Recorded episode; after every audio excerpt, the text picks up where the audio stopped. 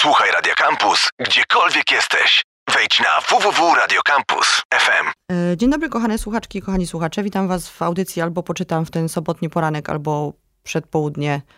W zależności od tego, jak spędziliście popołudnie, w zależności od tego, jak spędziliście wczorajszy wieczór. Moim gościem dzisiaj jest Łukasz Orbitowski. E, Cześć, cześć. Ja tutaj wyrażę tylko nadzieję, e, że wieczór wszystkich radiosłuchaczy był po prostu szampański. Czyli, że jednak mimo wszystko dopiero się budzą. Miejmy 13. nadzieję, że słuchają nas w ogóle w półśnie. Półśnie, Że no leżą otuleni kołderką, mruczą sobie, e, a, a nasze kojące głosy są jakby wspomnienie e, minionego właśnie dobrego snu. Wspaniale. No dobrze. Jego E, cię trupy śnią i krew. nie, będziemy rozmawiać o miłości dzisiaj. Tylko nie to. E, Łukasz, ja mam tutaj napisane, taki sobie ułożyłam bio Łukasza. Pisarz, meloman, czarny coach, laureat wielu nagród literackich i instagramer. Co w E, zasadzie... To jest e, absolutnie dewastująca, e, dewastująca biografia. Jeżeli w tym się zawiera moje życie, to pora z nim skończyć. Nie ma takiej opcji, przynajmniej nie na razie, bo musisz skończyć wywiad. Będziemy dzisiaj rozmawiać o książce Chodź ze mną, która została wydana przez Świat Książki dopiero co. Która to jest twoja powieść? E, No ja nie wiem, czy nie dziewiąta albo dziesiąta. Czyli już E, masz, e, jesteś pisarzem z dorobkiem, jeszcze nie napisałam tego. Tak, mnie to, mnie to strasznie, strasznie zawstydza, że ja tyle tego naknociłem, ale nie wiem, czy zwróciłaś uwagę, że moje od poprzedniej powieści Kult dzielą nas trzy lata, czyli piszę coraz mniej, coraz rzadziej i mam nadzieję, że ten trend się utrzyma, nawet będzie wzrastał. Mam nadzieję, że Każda tak nie kolejna będzie. powieść jest krokiem w kierunku wiecznego milczenia. Piękne, bardzo dobrze. Natomiast ja oczywiście mam nadzieję, że będziesz jeszcze coś pisał. E, Bo twoja powieść Chodź ze mną e, jest taką rzeczą, którą przeczytałam w zasadzie na raz. Nie mogłam się od niej oderwać. Bardzo lubię takie książki, bardzo mi ich brakuje. E, I pamiętam, jak pierwszy raz mi opowiadałeś o tym w skrócie, o czym będzie twoja powieść i patrzyłeś bardzo uważnie na moją reakcję i miałeś ewidentnie zabawę z tym, co mówiłeś, więc chciałabym, żebyś powiedział słuchaczkom i słuchaczom, o czym jest twoja powieść. Jest to szpiegowskie romazo UFO.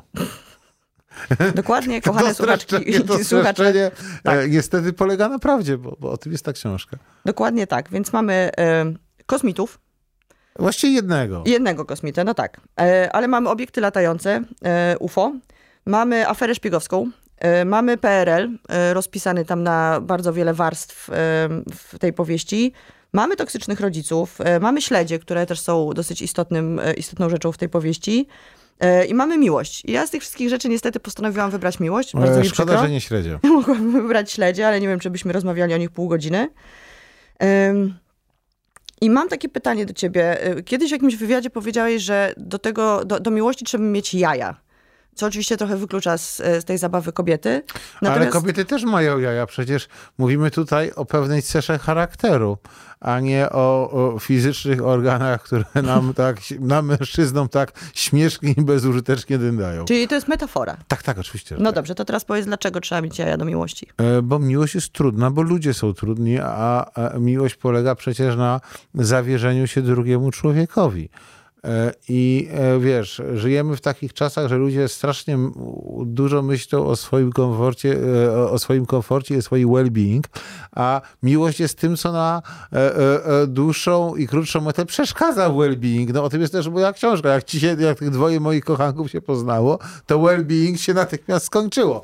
Prawda? I wiesz, i e, przecież jeżeli mówimy o miłości jak i, e, e, w kategoriach jakiego, nie, nie, jakiejś przygody, choć to oczywiście też jest miłość i, i bywa piękna i głęboka, ale w kategorii jakiegoś ro, rozpisanego na lata doświadczenia, przygody z drugim człowiekiem, no to to jest przede wszystkim gnój i znój, a nie radość. No. Przecież wiesz, dobre chwile są przerzedzane, e, są e, gęsto przerzedzone przez e, awantury, niezrealizowane marzenia, czyjąś chorobę, czyjąś handrę, prawda? Kocha, kochana osoba jest dla, jest dla nas przede wszystkim utrapieniem.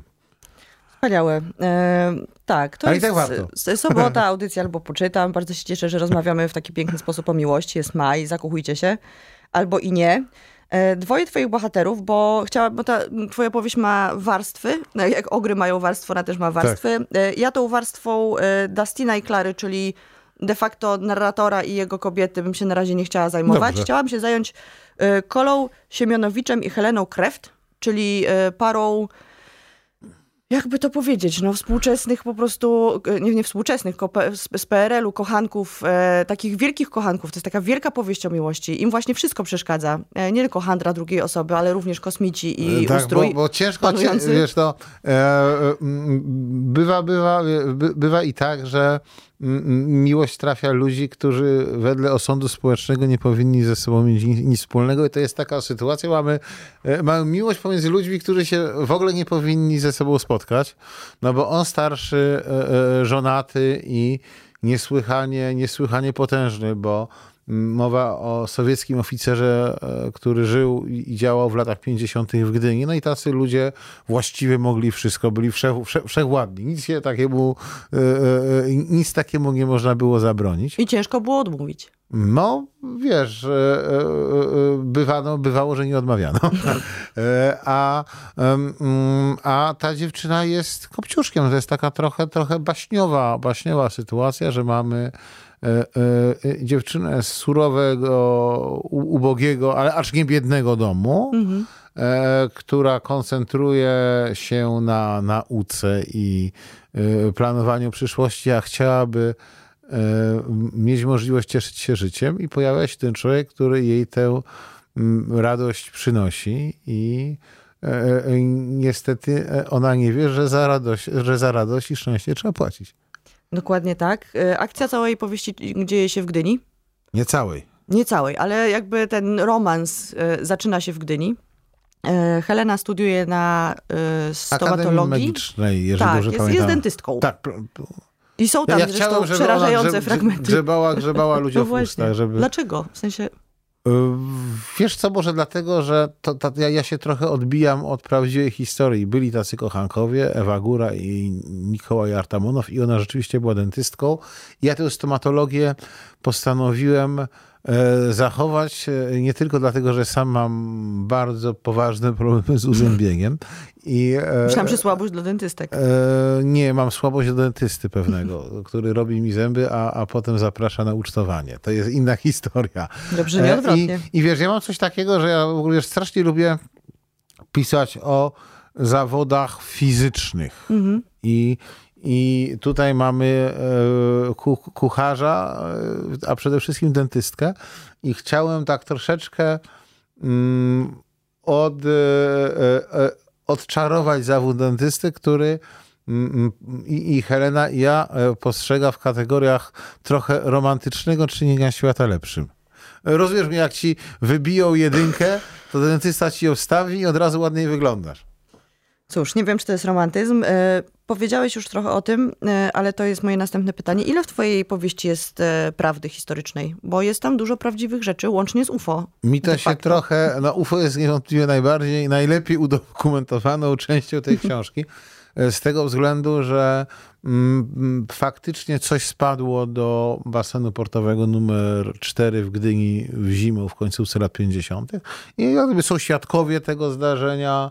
E, e, Na, na dnie tego basenu płetwonurkowie prowadzili poszukiwania, chcąc natrafić na coś, co, co, co, co tam zleciało. W związku z tym to, to co jest najbardziej niezwykłe, jest też e, najbardziej prawdziwe.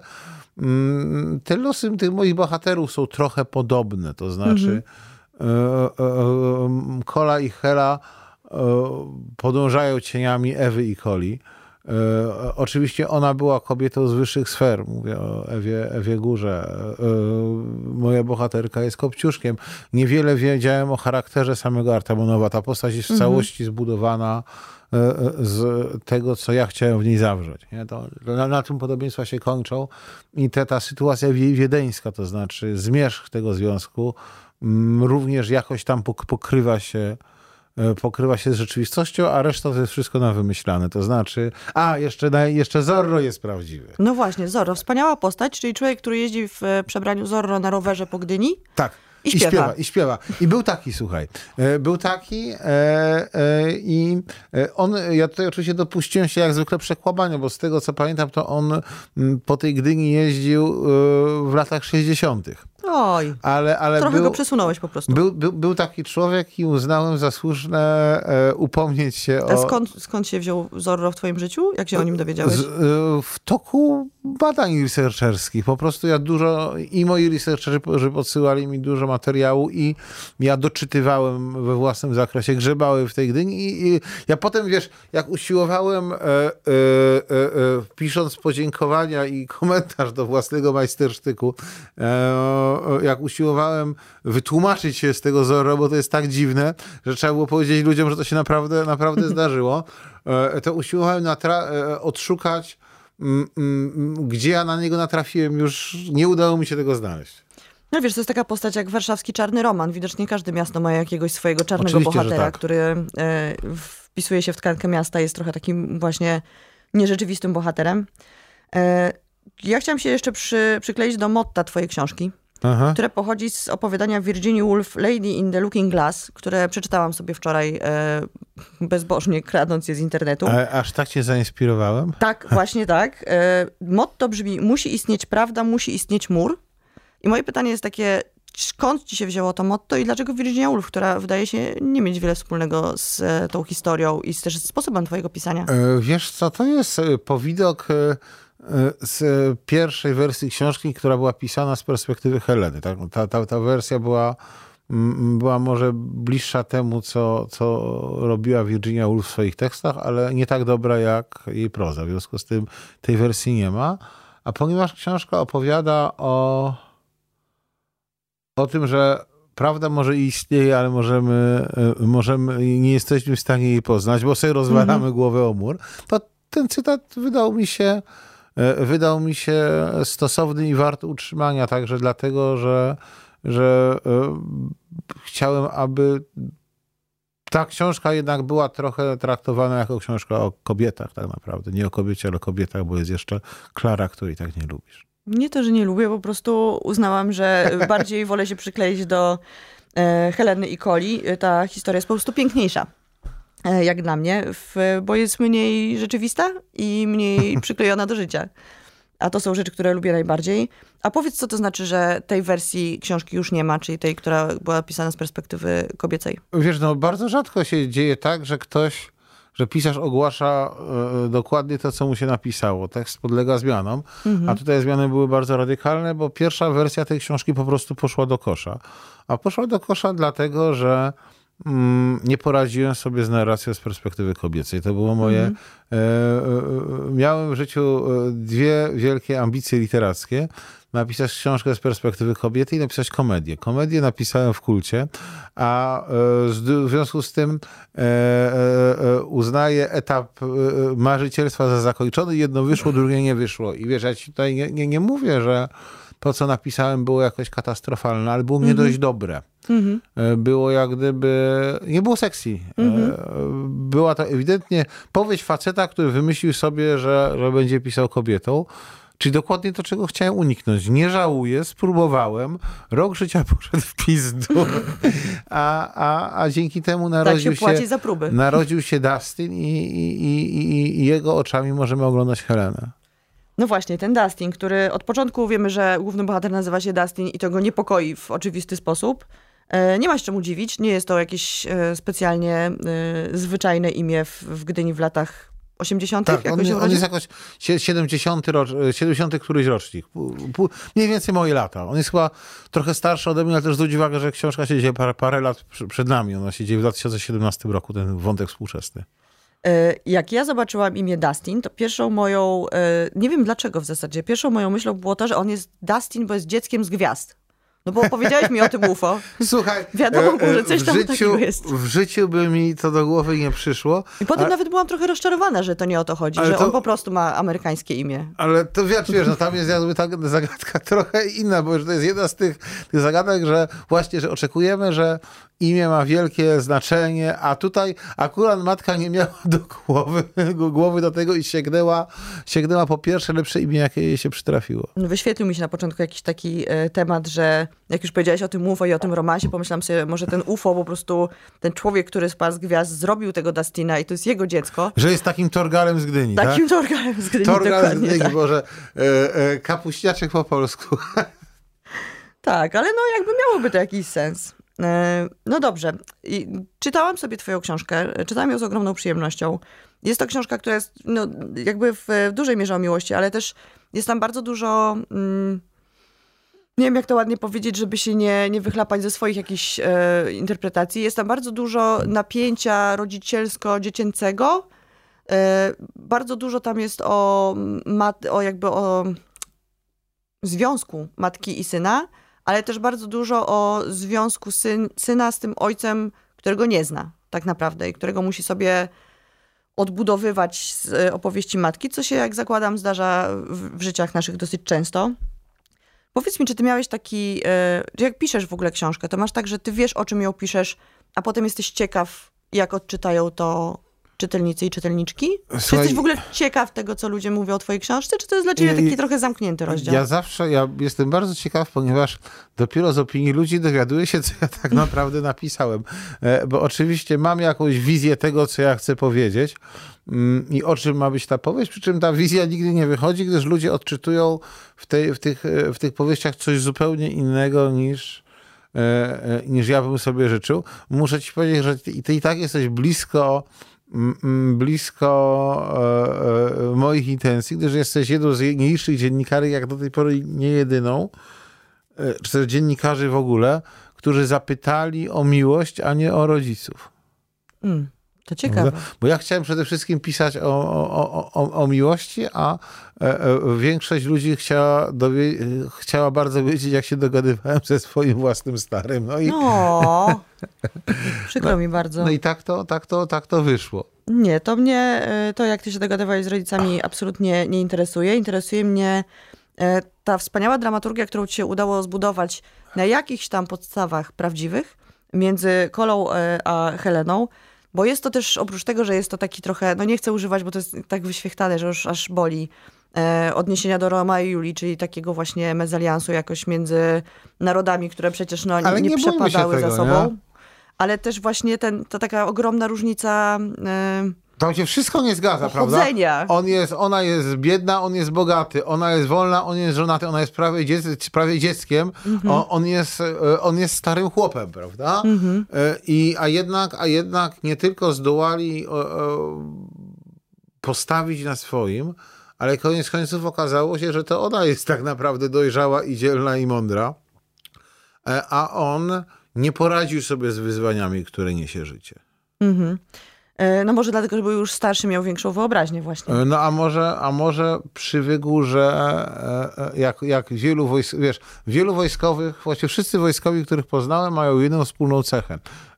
Wyróżniają się zero-jedynkowym podejściem do świata mhm. i walką jako podstawową formą komunikacji.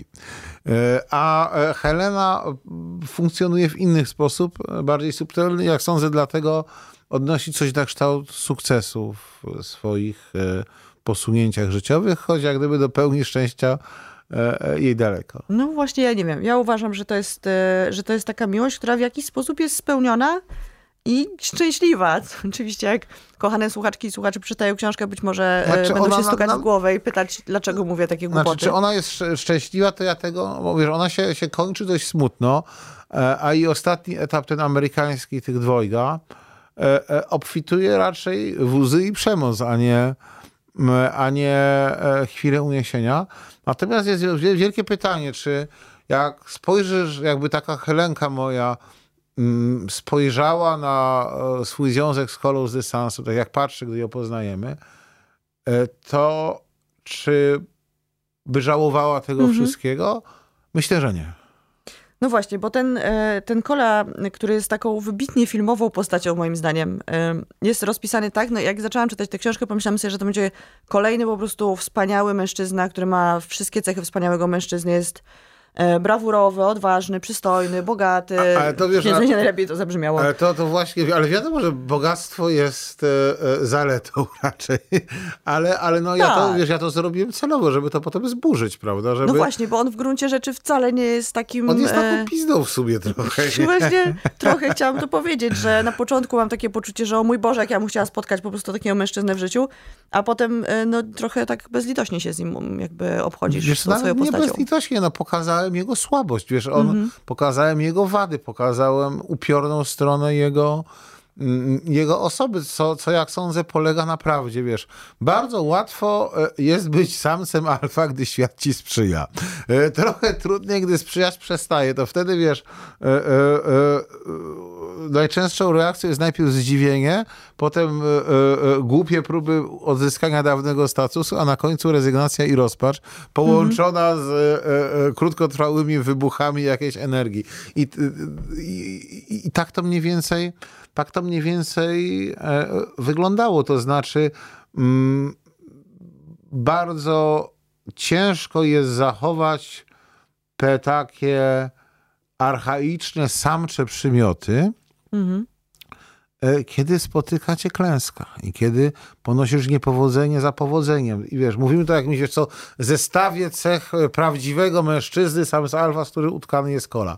Prawda? Dopóki jesteś kapitanem na statku i nikt ci nie fiknie, no to łatwo, ale jak jesteś nikim w Ameryce e, i mało kto traktuje twoje zdanie poważnie, a wszelkie plany życiowe legły w gruzach, to trudno e, zachować ten, te, te, e, mm, tę zawadiackość, tę odwagę, ten charakter, czy, czy też e, rzeczy tak bardziej przyziemne, jak bycie wsparciem, prawda? Dlaczego my jesteśmy razem, razem ze sobą? No nie tylko dlatego, że się kochamy i lubimy nasze towarzystwo, ale także dlatego, żeby się wspierać. No, ja pomogę tobie, ty pomożesz mnie. A on tym wsparciem być przestaje. To znaczy ona go w którymś momencie ciągnie, nie? E, e, I to jest różnica między nimi. Na początku on ją prowadzi przez życie, bo jest starszy, bo ma, o, otwiera drzwi, które będą przed nią zamknięte, ją, ją prowadzi, a kiedy następuje zamiana ról, to ona go fizycznie ciągnie z kibla do łóżka, prawda? I, i to, jest ta, to jest ta różnica i ja sobie, wiesz, ja się bardzo bym nie chciał, żeby ta, to była kolejna opowieść o kryzysie męskości albo pastwienie się nad e, e, e, tradycyjnym wizerunkiem mężczyzny e, i samca alfa, e, do którego sam się osobiście trochę przyznaję. Ja już jestem za stary, żeby to zmieniać, ale chciałem po prostu pokazać drugą stronę, słabą stronę, żałosną stronę mm, mm, takiej figury i takiego charakteru.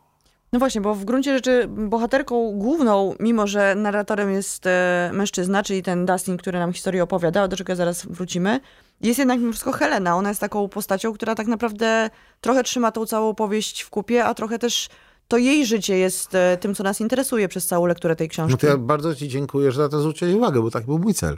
E, Dokładnie tak jest. Jest to też wspaniałe, że ona jest pokazana nie tylko jako kochanka, czy nie wiem, kobieta mężczyzny, ale też właśnie jako ta matka. E, I ta jej, już nie, nie chcę za dużo zdradzać z książki, bo mam nadzieję, że, e, że kochani, jak posłuchacie naszej rozmowy, to sięgniecie po tę książkę.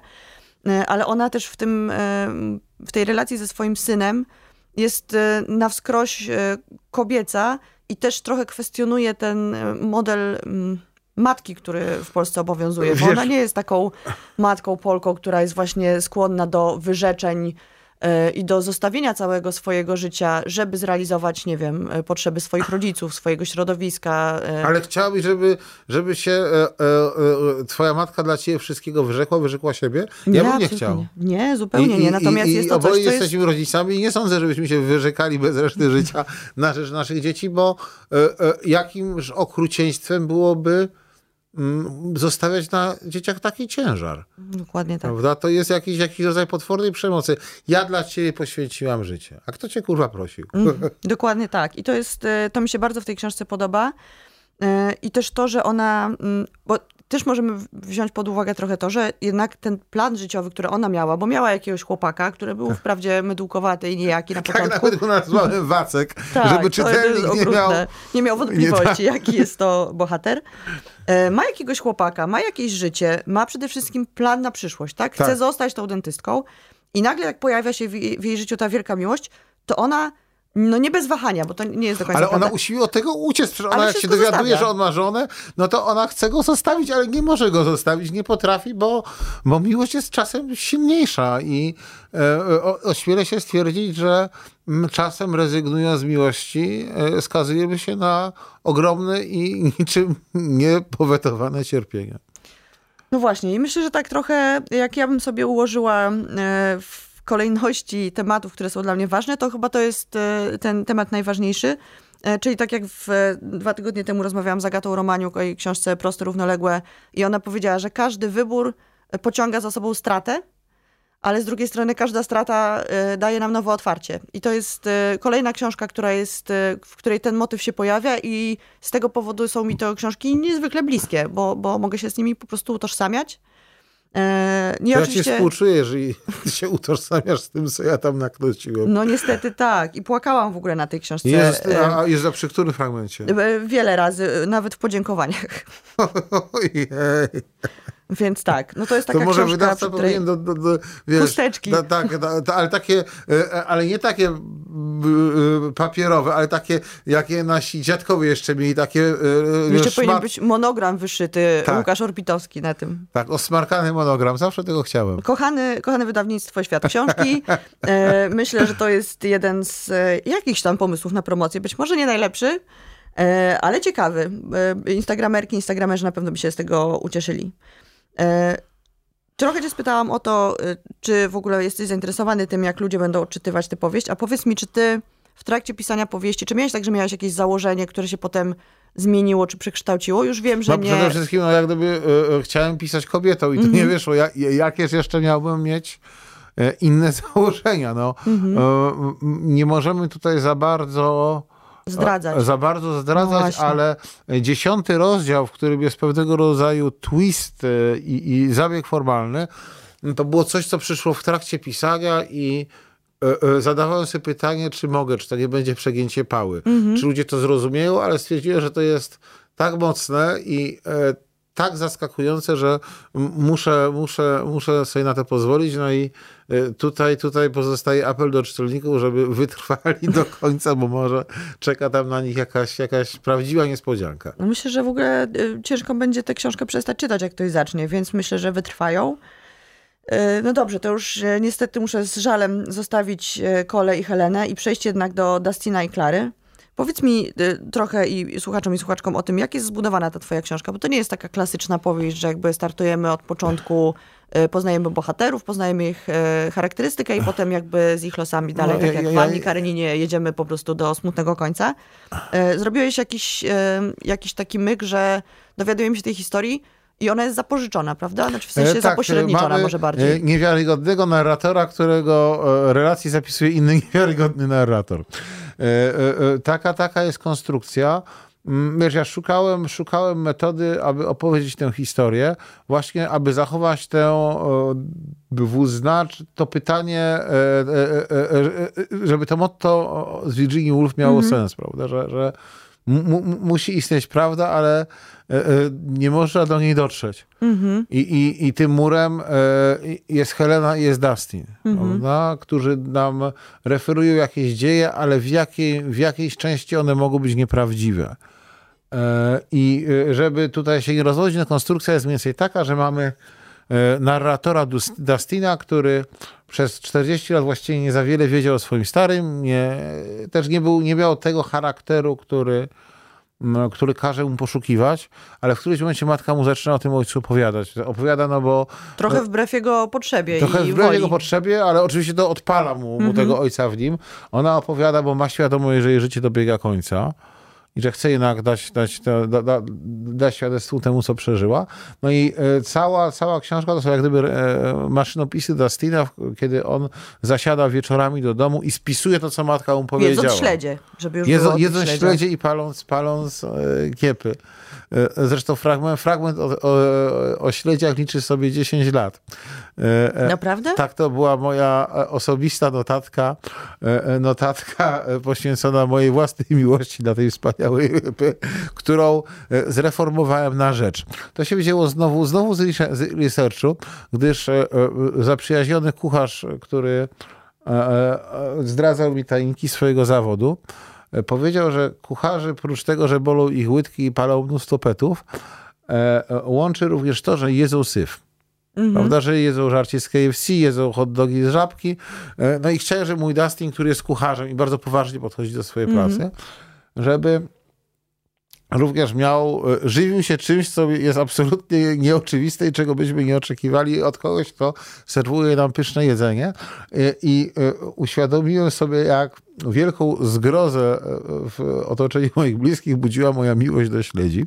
No i stwierdziłem, że skoro tak, to już jesteśmy w domu. Niech żre te śledzie, niech w jego kuchni śmierdzi śledziami. Niech A ma... jeszcze dodajmy, że, że Dustin jest, e, pracuje w restauracji, która się opiera na mięsie. On tak, jest on generalnie... robi w stekowni. Tak, tak. w stekowni, więc te śledzie w ogóle nie mają absolutnie nic wspólnego z tym, co on robi w pracy. A to jest bardzo, bardzo częste przecież.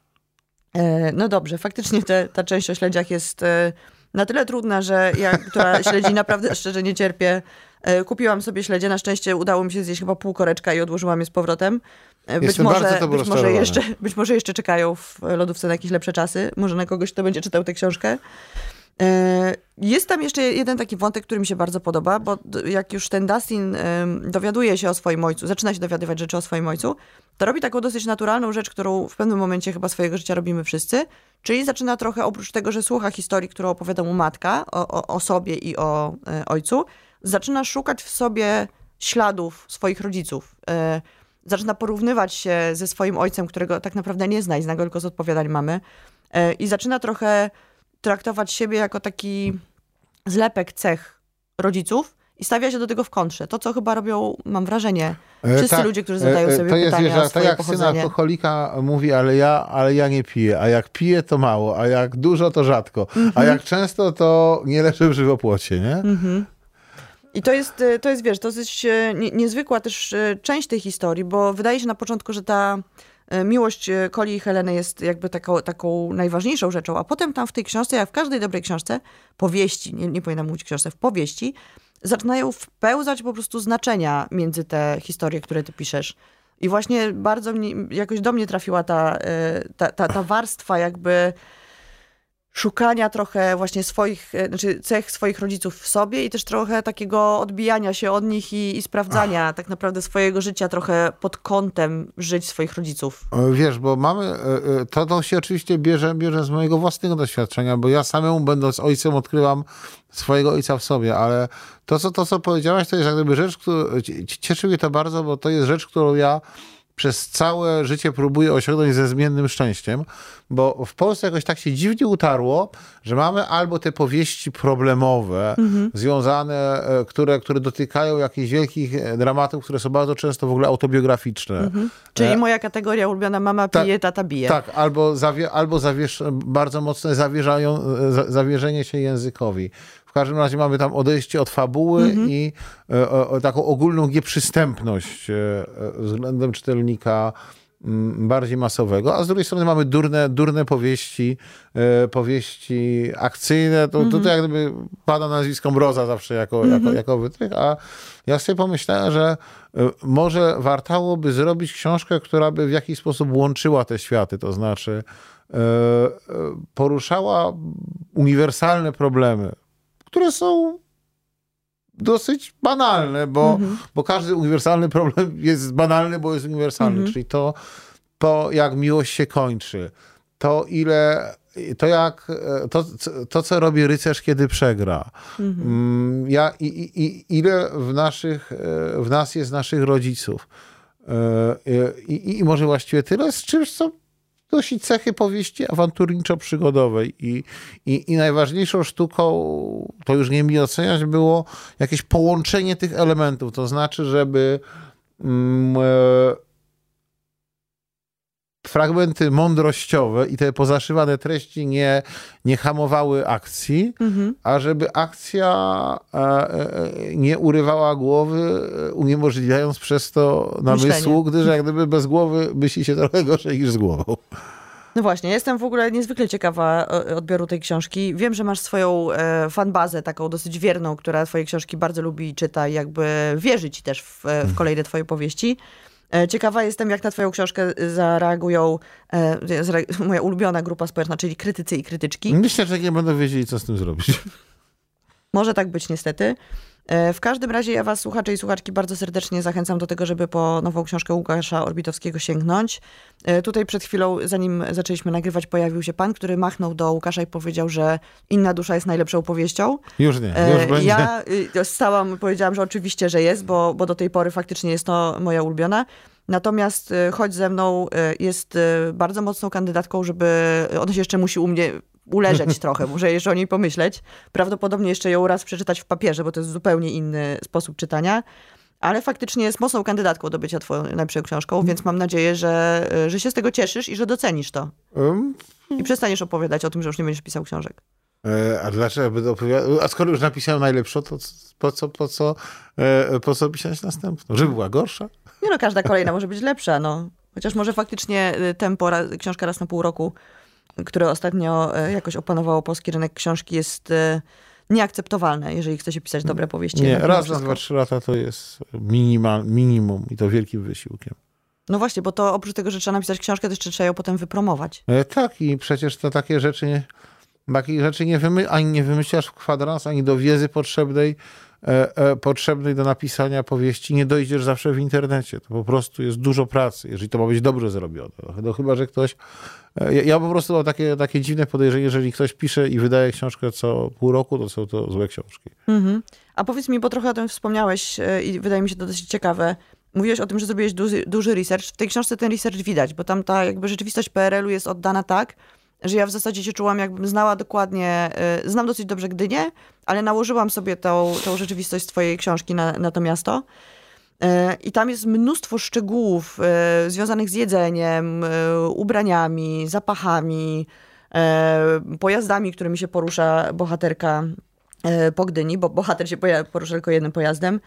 Y, To faktycznie musiało wymagać od ciebie dosyć dużego researchu. E, Wiesz co, e, tutaj w studiu powinien, powinno, powinno siedzieć całe gro osób, które pomagały mi przy tej książce i tak było i tym razem, bo kiedy okazało się, że piszę o Gdyni, to zaraz znaleźli się po prostu mm, ludzie, pasjonaci historii najnowszej miasta. Zresztą Gdynia ma tylko historię najnowszą, żadnej To innej. prawda. E, e, I którzy po prostu podzielili się swoją wiedzą i Mhm. Wyszukiwali dla mnie rzeczy. To jest jedna nóżka, czy jak gdyby żerowanie na innych, prawda? Ja jestem e, kanibalem, jem żywych i umarłych. Zjadłem Artamanowa, zjadłem Ewę Górę, zjadłem mm, również swoich kochanych researcherów Arka Bileckiego i Krzyśka Paciorka. Oni też już, e, e, efekt tej konsumpcji jest w okładkach. Ale też trzeba powiedzieć, że mm, ogromną pomoc dają po prostu archiwa prasowe, które e, e, e, prasa w tym momencie jest digi- zdigitalizowana i szalenie łatwo jest docierać do, do informacji i, i część mojego, mojej roboty chyba przy, przez, przez miesiąc nie robiłem niczego innego, jak czytałem gazety z epoki. I to wyłącznie gdyńskie. Tam jest Głos Wybrzeża i coś jeszcze, nie? Mhm. Już, tych, już mi wyleciało z głowy. E, I Dziennik Bałtycki. Mhm. E, Ja sobie po prostu siedziałem i czytałem dzień po dniu, co się działo. Głównie rzeczy lokalne, ale nie tylko. I, Mhm. i, i, i potem był straszny żal, bo miałem tyle fajnych rzeczy i musiałem je... I nie wszystkie można Tak. upchnąć do książki. Tak. E, bo i tak powieść jest opasła. To jest opasła książka. Dla mnie to jest opa. No ja jakby słuchacze i słuchaczki wiedzą, że e, uważam, że najlepsze książki są takie, które są do 300 stron. Bo nie lubisz czytać. Po, uwielbiam czytać, tylko bardzo nie lubię być za długo w jednej historii. Tak mi się wydaje, że to o to chodzi. Jak jakaś historia mnie zatrzymuje na dłużej, jeżeli jest dobrze napisana, to jestem z przyjemnością w tej historii. Ale są takie, które nie są napisane tak dobrze i wtedy męczy mnie to, że muszę tak długo przebywać e, z bohaterami tej książki. No dobrze, musimy powoli kończyć. Ja was serdecznie zapraszam do tego, żebyście książkę przeczytali. Zapraszam was serdecznie na targi książki, na których będzie spotkanie z Łukaszem. Będzie, prawda? Mm, Będę... Czy, pamię- czy masz jakieś daty w głowie? To jest chyba 28, wrażenie w sobotnie, w sobotach chyba o 15 będę. Także można Będę przyjść i... autografy rozdawał, także możecie y, y, przyjść i wyrazić swoje rozczarowanie moją osobą jako instagramera, czarnego coacha, pisarza i kogo tam jeszcze miałaś? E, jeszcze miałam melomana. No to już całkiem zajmę. No więc możecie przyjść, wyrazić swoje rozczarowanie Łukaszem Orbitowskim. Możecie też e, powiedzieć mu, że książka jest e, dobra. Mam nadzieję, że jak ją e, przeczytacie, to bardzo szybko ją, jak ją kupicie, to bardzo szybko ją przeczytacie. Przypominam oczywiście, co robię za każdym razem, że bardzo bym prosiła, żebyście kupując książkę, nie wykonali prostego gestu kliknięcia w internecie, tylko e, wybrali się na spacer do jakiejś księgarni i kupili książkę w księgarni, gdyż e, tam się właśnie książki kupować e, powinno.